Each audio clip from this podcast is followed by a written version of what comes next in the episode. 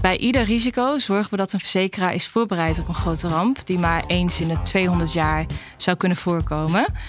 Dus dat zijn steeds meer risico's waar we rekening mee moeten houden. En alleen al rondom het klimaat. Je luistert naar DNB Talks. Dit is een podcast van de Nederlandse Bank.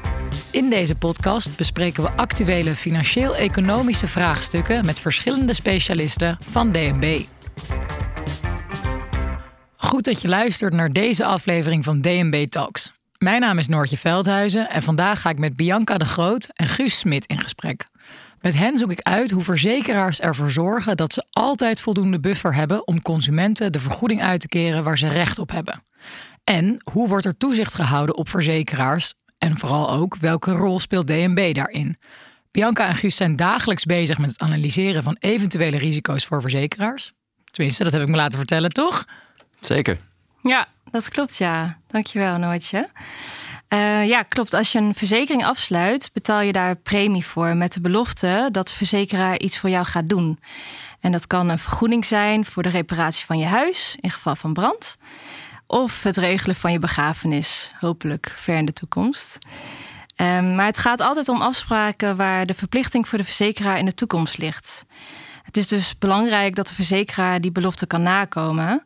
En wij bij DNB controleren daarom of verzekeraars genoeg geld in kas hebben, hè, of ze voldoende buffertjes hebben, um, voor als het echt tegen zit. Dus denk bijvoorbeeld aan een brandverzekeraar. Hebben brandverzekeraars voldoende geld als tien huizen tegelijkertijd afbranden? En wat als duizend huizen tegelijkertijd afbranden? Of een heel dorp? Kunnen ze dan nog steeds de schade vergoeden waarvoor jij verzekerd bent? Nou, bij DNB zorgen wij ervoor dat de verzekeraar voorzichtig en zorgvuldig met je premie omgaat, zodat zij hun afspraken ten alle tijde kunnen nakomen. En we houden daarbij rekening met allerlei soorten mogelijke risico's voor zo'n verzekeraar. En uh, Guus, om wat voor risico's gaat het dan? Nou, grofweg heb je twee soorten risico's. Je hebt uh, zachte risico's en harde risico's. En een zacht risico kan bijvoorbeeld zijn dat een bestuur niet bekwaam is of dat er iets niet goed zit in de cultuur van een verzekeraar. En een hard risico is dat de verzekeraar financieel niet meer kan voldoen aan zijn verplichtingen. Dus dat, eh, nou, dat kan met alles van te maken hebben. Uh, van klimaat tot een uh, hoge of lage renteomgeving. En we kijken in onze risicoanalyse dus zeker niet alleen naar de winst en jaaromzet van een verzekeraar. Maar ook naar gedrag en cultuur. En Bianca en ik houden ons met name bezig met financiële risico's. Oké, maar voordat we helemaal uh, in het onderwerp gaan duiken, wat we nu al een beetje doen, uh, ben ik ook heel benieuwd naar jullie en hoe jullie terecht zijn gekomen bij DNB en wat daar allemaal aan vooraf is gegaan. Ja, ik ben uh, Bianca, ik ben 28 jaar en heb een master econometrie afgerond. ik ben in september 2020, dus precies twee jaar geleden, bij DNB gestart in coronatijd. Als accounttoezichthouder bij kleine verzekeraars en vervolgens middelgrote schadeverzekeraars. En sinds kort uh, ben ik ook werkzaam bij het expertisecentrum Kapitaal en Actuariaat, waar Guus werkt. En ik dus nu inmiddels ook. En het leuke aan accounttoezicht, wat ik hiervoor deed, uh, is dat ik verantwoordelijk was voor een aantal kleine verzekeraars. En dat deed ik dan vaak in tweetallen met een andere collega. En dat was hartstikke leuk, want je leerde een instelling echt kennen. Dus je keek echt naar alle risico's, maar je keek ook naar inderdaad gedrag, cultuur. En je keek ook naar de strategie. En uh, je had ook uh, gesprekken met directieleden. Dus dat was heel, ja, heel interessant werk. Was leuk. Uh, maar op een gegeven moment wilde ik toch wat meer de inhoud in. En toen ben ik overgestapt naar het expertisecentrum Kapitaal en Actuariaat. Wat ook erg leuk is. Dus je bent meteen na je studie wist je, ik ga naar DNB toe? Uh, ja, ik ben uh, eerst nog gaan reizen. en toen ben ik eerder naar huis gekomen door corona. Dus dat was wat jammer. Maar um, ja, ik wilde uh, werk doen waar ik me gewoon goed bij voel. maatschappelijk verantwoord werk. En inhoudelijk uitdagend werk. Dus daar ben ik wel, ja, daar ben ik heel blij mee. Dat is wel het geval bij DNB. Leuk hoor. En jij, Guus? Ja. Um, nou, ik, uh, ik was niet meteen bij DNB gaan werken. Ik heb nog ook als consultant gewerkt. Dat uh, was ook heel, heel leuk. Het was hetzelfde, vakgebied, maar ik vond uiteindelijk... dacht, bij DNB sta je iets centraler zeg maar, in, het, in de verzekeringswereld. Um, dus ik vond dat wel heel tof, deze switch. Dat ik eigenlijk veel dichter op de kwesties kom waar de raad van bestuur van een verzekeraar mee te maken heeft. Dus dat vind ik wel, eh, wel heel vet van deze rol. Leuk. En welke studie ging daaraan vooraf? Nou, ik heb ook een master econometrie gedaan. Um, toevallig daarvoor een bachelor natuurkunde. Maar uh, nou, vanuit mijn econometrie-achtergrond ben ik natuurlijk bij DNB terechtgekomen. Dus ja, dat is mijn achtergrond. Ja. Leuk. En op welke manier werken jullie samen? Delen jullie een bureautje of hebben jullie eigenlijk niet zo heel veel raakvlakken? Nou, we werken veel samen. Ik denk uh, sowieso al het werk dat we doen is eigenlijk uh, doe je minimaal met iemand anders. we hebben natuurlijk ook dingen die we individueel doen, bijvoorbeeld analyses. Maar het is eigenlijk altijd projectgedreven, projectteamgedreven. Dus de samenwerking is, is erg belangrijk. Ja. Ik vind het eigenlijk ook best wel sociaal werk. veel meer. ik zit daar, want die tak. Oh ja, dan begin ik over die taxichauffeur. Maar even ter verduidelijking. Jullie zijn vandaag met de taxi gekomen omdat de treinen staakten. Ja, ja. klopt. Ja. Dus uh, die vertelde van ja, boekhouding, dat vond ik uiteindelijk niks. Want dan zit ik de hele dag in de cijfers. Ja. Dus ik denk, ja, ons werk. Nou ja, ik bedoel, heel cijfermatig. Maar het zit niet de hele dag in de cijfers. Nee, nee klopt. totaal niet. Het is nee. eigenlijk heel veel overleg. En ja, is dat dan zeker. anders dan hoe jullie het hadden verwacht? Want zo klinkt het nu een beetje. Alsof je zegt van je zou denken dat we in de cijfers zitten, maar... Ja, ik dacht zelf dat je veel meer bezig was met echt wiskundige formules, uh, zeg maar, echt uh, in je dagelijkse werk uh, tegenkomen. Nou, dat is een heel belangrijk onderdeel van ons werk, zeg maar. Maar je kunt, je kunt ons werk kun je niet doen als je die wiskundige formules niet snapt. Ja. Maar in het dagelijks werk is het heel veel overleggen, stakeholder management, dat soort dingen. Ja, ja. klopt. En hoe, hoe belangrijk is dat voor jou om je werk leuk te vinden?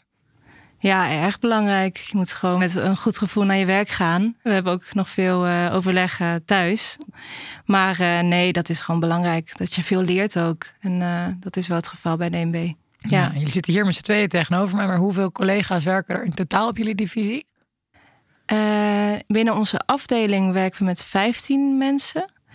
En onze divisie... Stuk van 100? Ja, zoiets. Divisie ja. verzekeraars, toezichtverzekeraars. ja. ja. Ja, dat vind ik eigenlijk nog betrekkelijk weinig. Want ik bedoel, het is echt een, heel grote sector. En uh, nou, dan, dat hoor we met z'n honderden. Ja. ja. Dus je krijgt ook heel snel heel veel verantwoordelijkheid. Leuk hoor. En jullie hebben allebei econometrie, een master daarin gedaan. Is dat dan ook de beste achtergrond voor het werk wat jullie doen? Nou, als je kijkt naar uh, eh, DNB heb je heel veel economen en juristen ook. Dus uh, daar zien we ook heel veel van. Of, of, of accountancy zien we ook veel bij de, bij de divisie. Ja. Ja, dus ik weet niet of het de beste achtergrond is, maar sowieso een hele goede basis om dit werk te doen.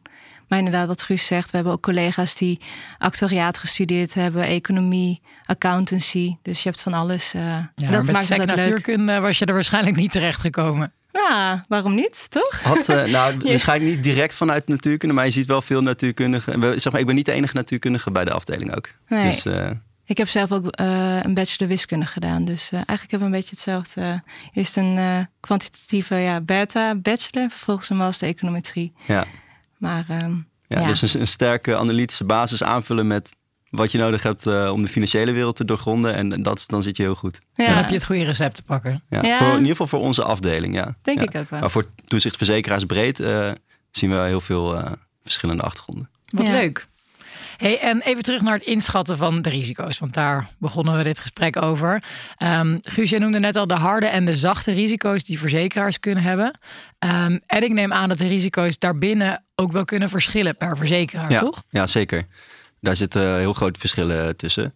Als we bijvoorbeeld kijken naar uitvaartverzekeraars, die gaan een afspraak na die pas over vele jaren hoeft te worden nagekomen.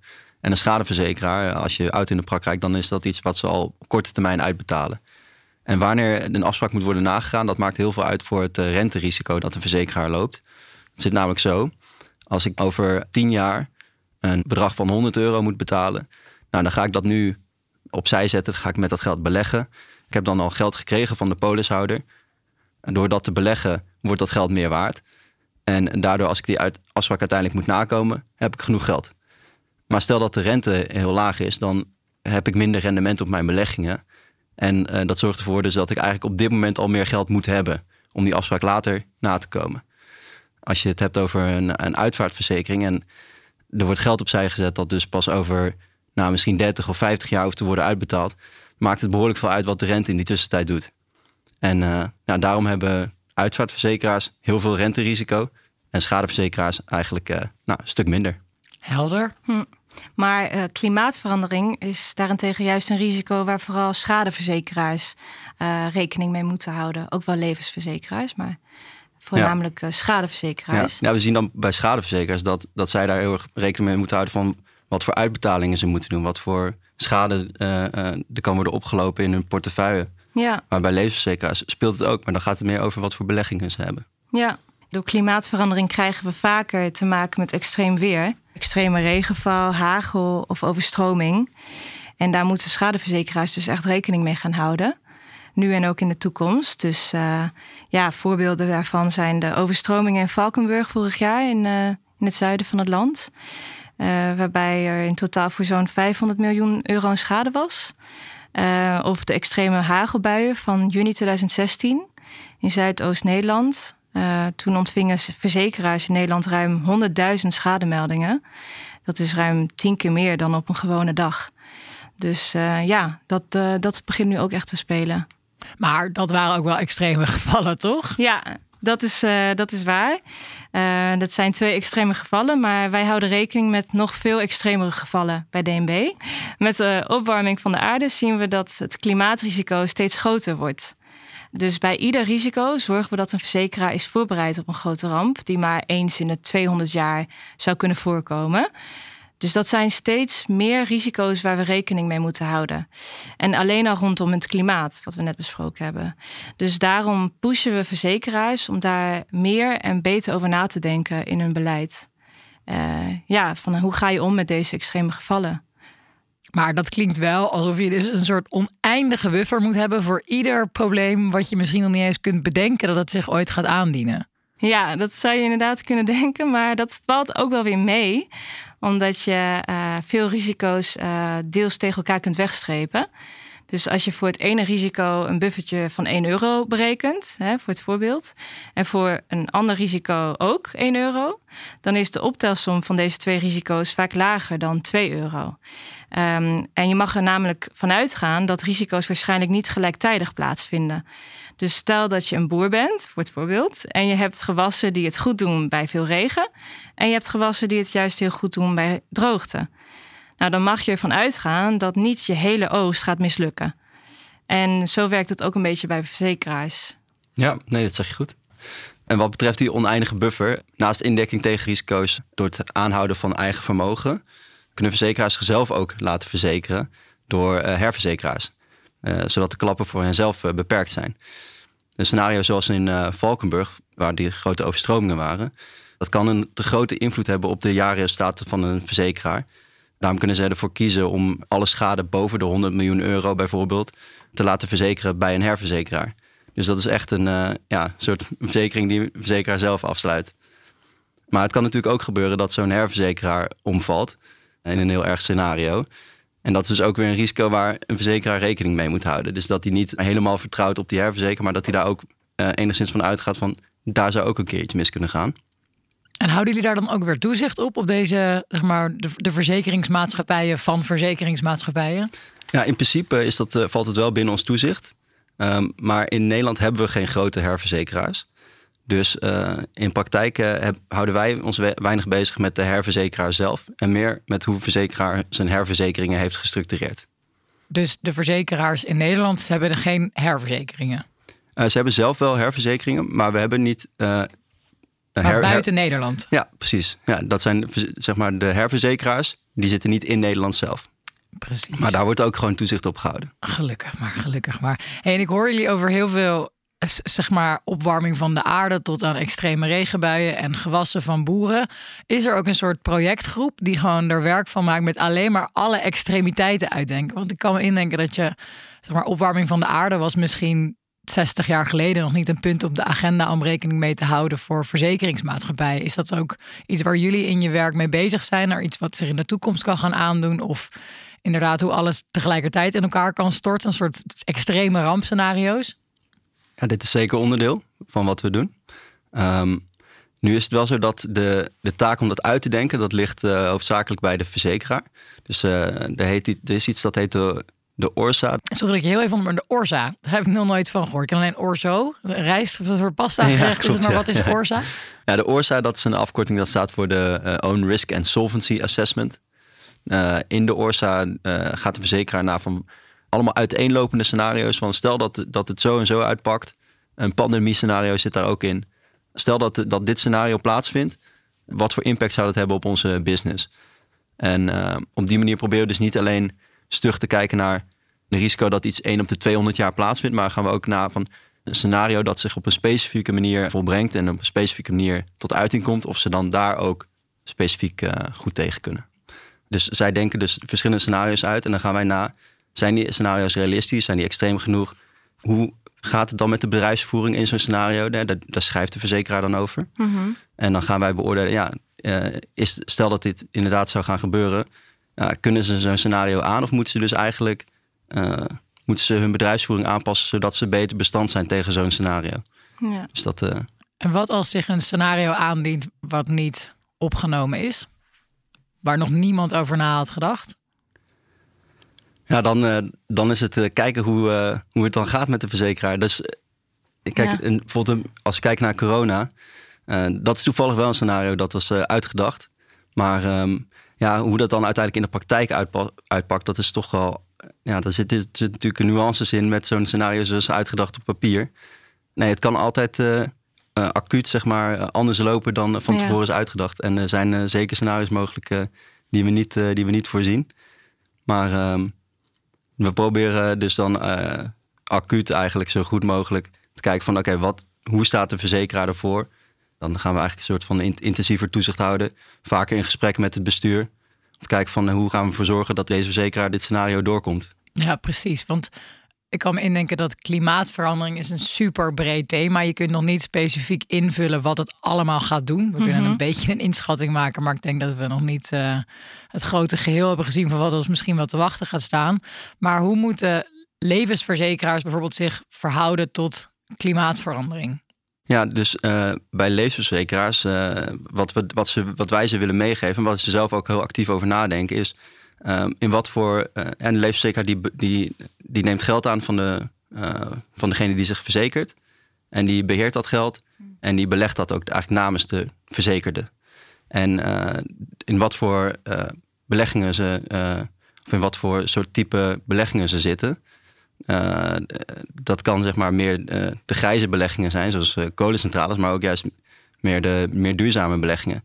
Dus hoe zij omgaan met hun beleggingsportefeuille en hoe die beleggingsportefeuille, hoe gevoelig die is voor grote politieke veranderingen, dat is, dat is zeker iets waar ze over na moeten denken. Ja, ja en, en werken jullie, want we hadden het net al even over die herverzekeraars, dat die buiten Nederland zijn. En op, op Europees niveau, hoe verhouden jullie tot dit soort nou ja, herverzekeraars en, en andere centrale banken op dit thema?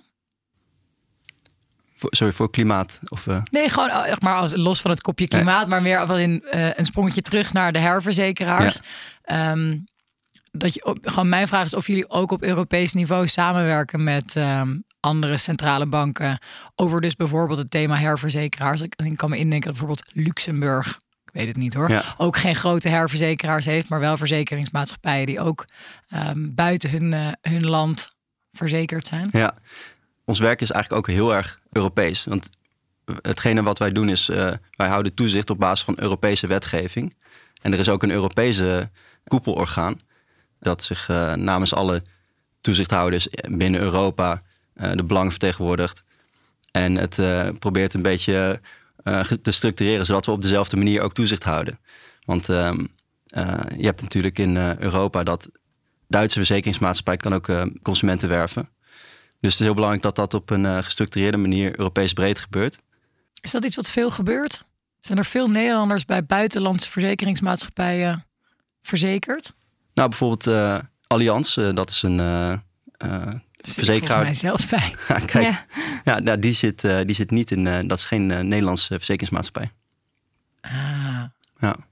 Ik weet niet hoe dat voor jullie is. Jullie zijn een beetje elkaars leeftijd. Ze allemaal 30 en net daaronder. Um, dat ik verzekeraars toch ook altijd een heel moeilijk topic vind. En aan het eind van het jaar moet je weer verzekeraars gaan vergelijken. En hebben jullie dat niet? Dat als je op een feestje of een verjaardag bent en je zegt dat dit je werk is, dat mensen dan meteen beginnen te vragen over: oh, naar welke verzekeraar moet ik? Wat is een goede optie voor, me, voor de tandarts en waar moet ik mijn auto uh, laten? Is dat zo? Of heb ik dat. Uh, als in ik zou dat namelijk aan jullie vragen? Eerlijk gezegd krijg ik die vraag inderdaad niet al te vaak, gelukkig maar. en jij, Guus? Nou, ik begin altijd over dat ik, uh, dat ik iets doe met financiële risico's van verzekeraars. Dus dan, dan eh, hebben ze al snel door dat ze geen eh, Ja. eh, Verzekering bij je kunnen afsluiten. precies, ja. Ja. Hey, en terwijl ik me aan het voorbereiden was op deze aflevering, moest ik ook denken aan de life insurance fraud, wat in Amerika een mega ding is. Er zijn superveel boeken over geschreven en series over gemaakt en films over mensen die hun eigen dood nou ja, faken. En vervolgens zo'n zo, ehm, de verzekeraar daarmee op te lichten en weet ik veel in Australië of ergens in Azië een nieuw leven op te, op te bouwen. En dat voelt voor mij altijd iets wat heel ver van me of zo. Maar dat, dat gebeurt niet hier of zo. Of dat in Nederland Ja? gebeurt. ja. En nou, ik weet wel dat eh, verzekeraars eh, die doen wel heel actief aan. eh, die die verenigen zich ook in het verbond van verzekeraars. En die houden zich wel heel erg bezig met fraudebestrijding. Hmm. Dat is wel een belangrijk topic daar. Maar ik weet niet of ze specifiek ook veel gevallen zien van mensen die hun dood faken. Ja, het is misschien een beetje off-topic, maar ik was er heel benieuwd naar. Ja. Het is altijd heel ver weg voelt. Ja, maar fraudebestrijding is echt wel heel belangrijk, ook een topic binnen de verzekeringswereld. Dus nou, niet een topic waar wij veel mee te maken hebben, maar uiteindelijk is eh, het gedrag van verzekerden is heel belangrijk. Dus je ziet ook dat de verzekeraars wel rekening houden met bijvoorbeeld hoe makkelijk het is om eh, een claim in te dienen en dat Ja. soort dingen. Dat ze ook wel, ze gaan ook wel na van, oké, zijn claims uiteindelijk eh, realistisch en dergelijke. En ze proberen ook wel voor te zorgen dat, dat er dus geen onzin. Ja, dat gaat ook wel. Dat wordt ook echt high-tech nu, toch? Gebruiken ze toch ook AI voor? Voor schadeclaims bijvoorbeeld, om te kijken of het, of het echt is of niet. eh. volgens mij wel, ja. ja. Ja. dus eh, ja, ik kan me voorstellen dat ze dat doen. Ja, maar dat is nogmaals, dat is eigenlijk niet een onderwerp waar wij Nee, veel mee te maken klopt. hebben. Oké. Hey, en nog weer even terug naar de risico's. Ehm, zeg maar, het klinkt als iets waar je met heel veel verschillende facetten rekening moet houden. Eh, waar begin je dan? Ja, waar begin je dan? ja. Nou, eh, we beginnen met het in kaart brengen van de risico's. Dat gebeurt periodiek, vaak per kwartaal of jaarlijks. En eh, hoe doen we dat? Nou, we hebben data nodig van de verzekeraars. Eh, dus van verzekeraars ontvangen we zowel kwantitatieve als kwalitatieve rapportages. Inderdaad, per kwartaal of, of jaarlijks. En eh, kwalitatieve rapportages, nou, dat zijn vragenlijsten, bijvoorbeeld over de beheersing van risico's. En dat gaat dan over verschillende risico's. En kwantitatieve rapportages zijn gewoon de cijfers hè, van hoe eh, zijn de buff- buffers veranderd het afgelopen kwartaal of eh, zijn ze anders gaan beleggen, noem maar op. Dus echt cijfers die we kunnen gebruiken. Ehm, en dan op basis van deze data eh, bouwen wij een risicoscore per, score, per risico. En, ehm, en dan hebben we het volledige overzicht van een instelling. En dan gaan we kijken van, nou, eh, zien we inderdaad eh, dat een risico eruit springt? Of een, zien we dat, eh, hebben we het idee dat een verzekeraar een afwijkend risicoprofiel heeft? Nou, als dat het geval is, dan zoeken we naar een verklaring. En gaan we, verder, gaan we daar verder onderzoek naar doen. En dat doen we dan, eh, de accounttoezichthouder heeft dan gesprekken met, met de experts. Om, om erachter te komen wat er dan speelt. En als het inderdaad een, een daadwerkelijk risico is, dan, eh, dan kunnen we gesprekken gaan voeren met de directieleden. En, eh, en ja, om ervoor te zorgen dat het risico ehm, gemitigeerd wordt, oftewel verkleind wordt of eh, ja, opgepakt wordt. Dus eh, zo, zo doen we dat een beetje. ja. Ja, dat, eh, dat zeg je goed. Ehm, uiteindelijk eh, willen we weten of de beloften eh, van de verzekeraars of die financieel nagekomen kunnen worden. Dus ook als het eh, flink tegen zit. Al brandt een heel dorp af, de verzekeraar moet zijn verplichting nog steeds kunnen nakomen. We willen daarom vaststellen hoe groot de buffer moet zijn van verzekeraars en waar ze aan moeten voldoen. Ehm, we vergelijken de buffers met het eigen vermogen van de instelling. En onderzoeken zo of ze meer vermogen hebben dan, dan dat ze risico lopen. Dat is, dat is uiteindelijk het doel. En wanneer is een, ik heb het woord buffer ook al veel voorbij Ja. horen komen. Wanneer is een buffer dan, dan groot genoeg? Ja, Welke Nou, formule is dat? Ja, dat ligt eigenlijk Europees wettelijk vast. Dus dat is eh, Europese wetgeving. En de insteek is dat een eh, verzekeraar een zodanig grote buffer heeft dat de jaarlijkse kans op een faillissement lager is dan 1 op de 200. Dus eh, dat, is, dat is uiteindelijk de formule waar aan moet worden voldaan. En nou, als we dan verder ingaan op hoe dat is opgebouwd, dan zien we eh, grofweg twee verschillende risicogroepen: beleggingsrisico's en verzekeringsrisico's. En eh, naast de standaardregels in de wetgeving hebben verzekeraars ook de vrijheid om eh, eigen interne modellen te ontwikkelen. Om die risico's nou ja, in kaart te brengen en, en uit te rekenen. En die mogelijkheid hebben ze bijvoorbeeld wanneer ze denken minder risico te lopen dan de wet aangeeft, dan die standaard Europese wetgeving aangeeft. Misschien investeren zij in veel, veel veiligere vormen van vastgoed dan, ja, dan waarop die Europese wetgeving is naar gekalibreerd, om zo maar te zeggen. Ehm, en het ontwikkelen van interne modellen, dat gebeurt met name bij de grotere verzekeraars. En nou, die hebben dan, doordat ze die eigen berekening voeren, hebben ze mogelijk lagere buffers. Maar dat is, ja, je kunt je vast wel voorstellen dat het een gevoelig speelveld oplevert. Um, maar het is, is ook niet lang, lang niet altijd zo dat een eigen model ook echt een lagere eis oplevert. Kan voor deelgebieden kan het juist zijn dat, dat ze meer, dat ze de kapitaalbuffer die ze moeten aanhouden, dat die groter is. Dat ze uiteindelijk constateren, ja, eigenlijk lopen we misschien iets meer risico dan deze standaardwetgeving aangeeft. Dat ligt toch uiteindelijk bij de verzekeraar zelf? Nou, ze, ze mogen als ze willen en als ze denken dat het nodig is, dan moeten ze dit zelf uitrekenen.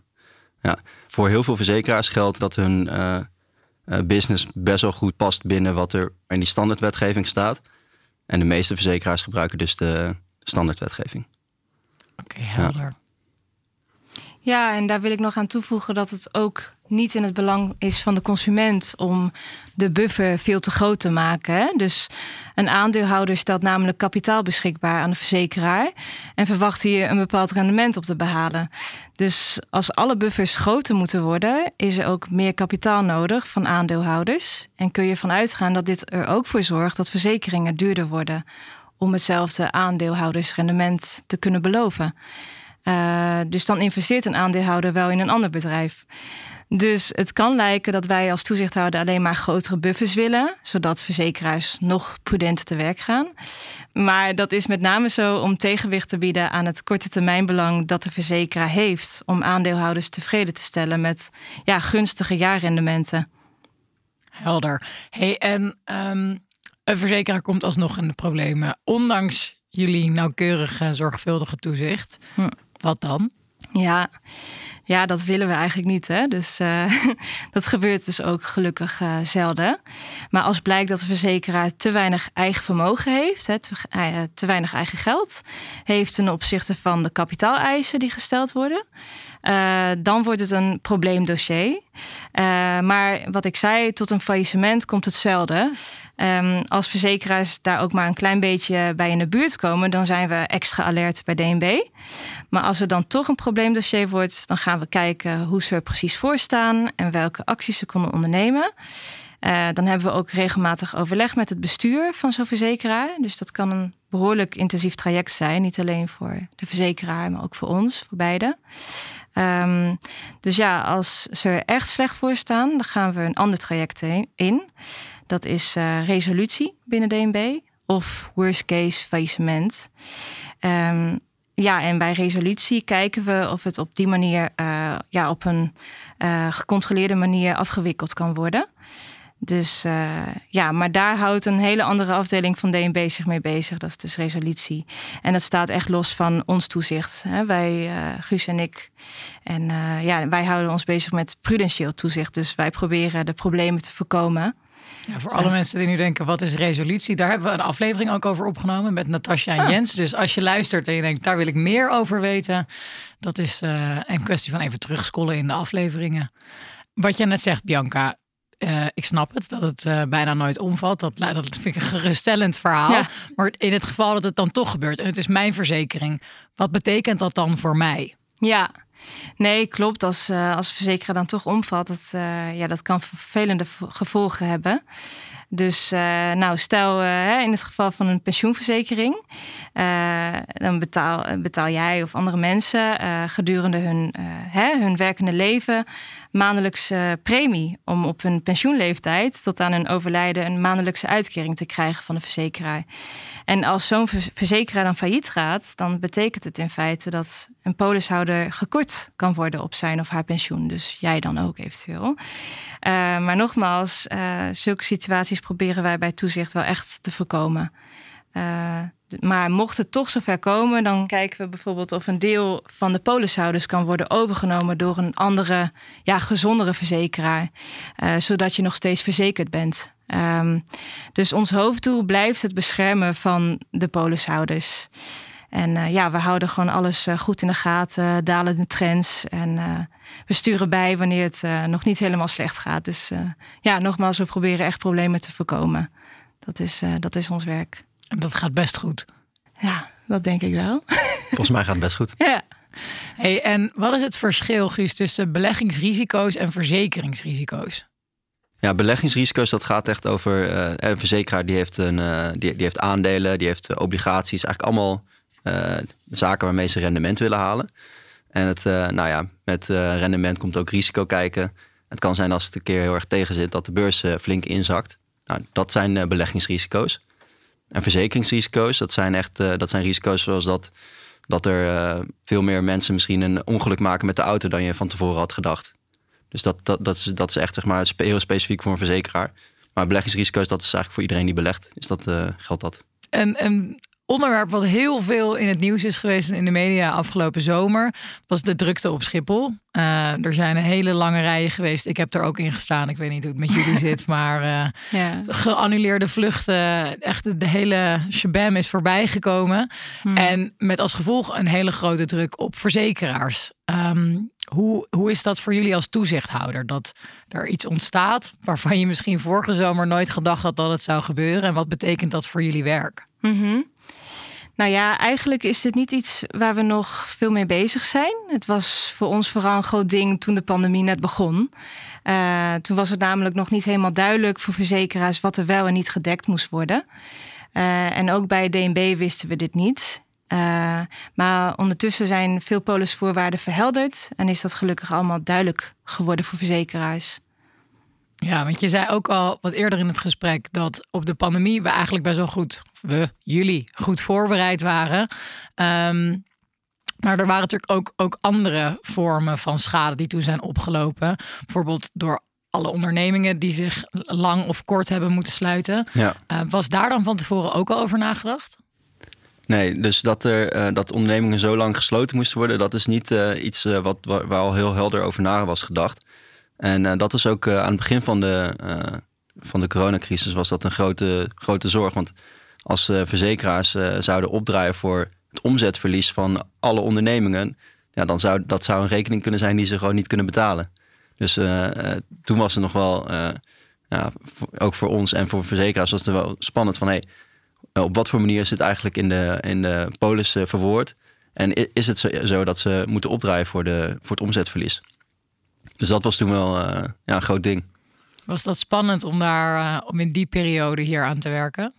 Ik denk dat het voor de verzekeraar nog een stuk spannender was. Maar ja, voor ons is dat natuurlijk ook spannend. Want ja, als, dat, als dat zo is, dan, dan, is het, dan is er veel meer aan de hand dan als dat niet zo is. Dus ja, belangrijk punt. Ik las ook dat heel veel festivals die al gepland stonden in het eerste jaar van de pandemie, toen het niet door kon gaan, nog hun bij de verzekeraar konden aankloppen. Maar dat het jaar daarop het werd aangepast en dat het bijvoorbeeld niet kon. Waardoor dus ook heel veel andere evenementen de risico's niet genomen hebben om überhaupt te zeggen we komen weer terug met een nieuwe versie. Ehm, is dat met meer dingen het geval geweest dat het gewoon opnieuw opgeschreven is? Uh, ik denk dat, uh, en dus met dit soort verzekeringen, die worden vaak of voor één keer afgesloten of, of jaarlijks eh, opnieuw afgesloten. Er zijn wel veel polis uh, die zijn, zeg maar, waarin de voorwaarden zijn aangeschept, zodat het duidelijker is van waar, waar de verzekerde op kan rekenen. Wat gedekt, gedekt is en wat niet. Ja. ja. Maar ik denk dat in praktijk uiteindelijk niet heel veel verzekeringen zijn zijn, daarvan was het niet nodig om ze aan te passen. Ja. Dus, maar inderdaad, voor specifieke verzekeringen zoals evenementverzekering, dat was wel een, ja, dat was een grote, grote verandering. Voor, en voor, die, voor zo'n sector merk je dat het dan ook echt heel belangrijk is dat, dat, dat, ze, dat ze zich kunnen verzekeren. Voor, uh, uh, en als dat niet lukt, dan, ja, dan, kan het, dan is het gewoon een te groot risico voor zo'n ondernemer. En dan kan gewoon uiteindelijk zo'n festival niet doorgaan. Mm Ja. En in het geval van veel ondernemers hoefde de verzekeraar dus niet op te draaien voor de, het inkomstverlies, toch? Ja. En dat klinkt als een meevaller voor de verzekeraar, maar wel als een hele vette domper voor de nou ja, voor de ondernemer zelf. Ja, ja dat is absoluut zo. Ja. Ja, ja, dat is, ja wij, wij zijn uiteindelijk voor, voor polishouderbescherming. En dan is, vinden wij natuurlijk ook jammer dat een, een polishouder dan aan het kortste eind trekt. Maar uh, wat wij doen is wij, uh, wij zorgen ervoor dat de, dat de, de polishouder eh, beschermd is binnen de gemaakte afspraken. Dus als die gemaakte afspraken uiteindelijk slecht uitpakken voor, voor hen, nou, daar kunnen wij helaas niks aan doen. Dus, dus maar binnen de gemaakte afspraken doen we er alles aan dat zij krijgen waar ze recht op hebben. Ja. Nou, dat klinkt heel geruststellend. Dank jullie wel voor dit gesprek, Guus, Bianca. Graag gedaan. Dankjewel. Dit was een aflevering van DNB Talks. Heb je vragen of wil je reageren op de podcast? Neem dan contact met ons op via dnbtalks.dnb.nl.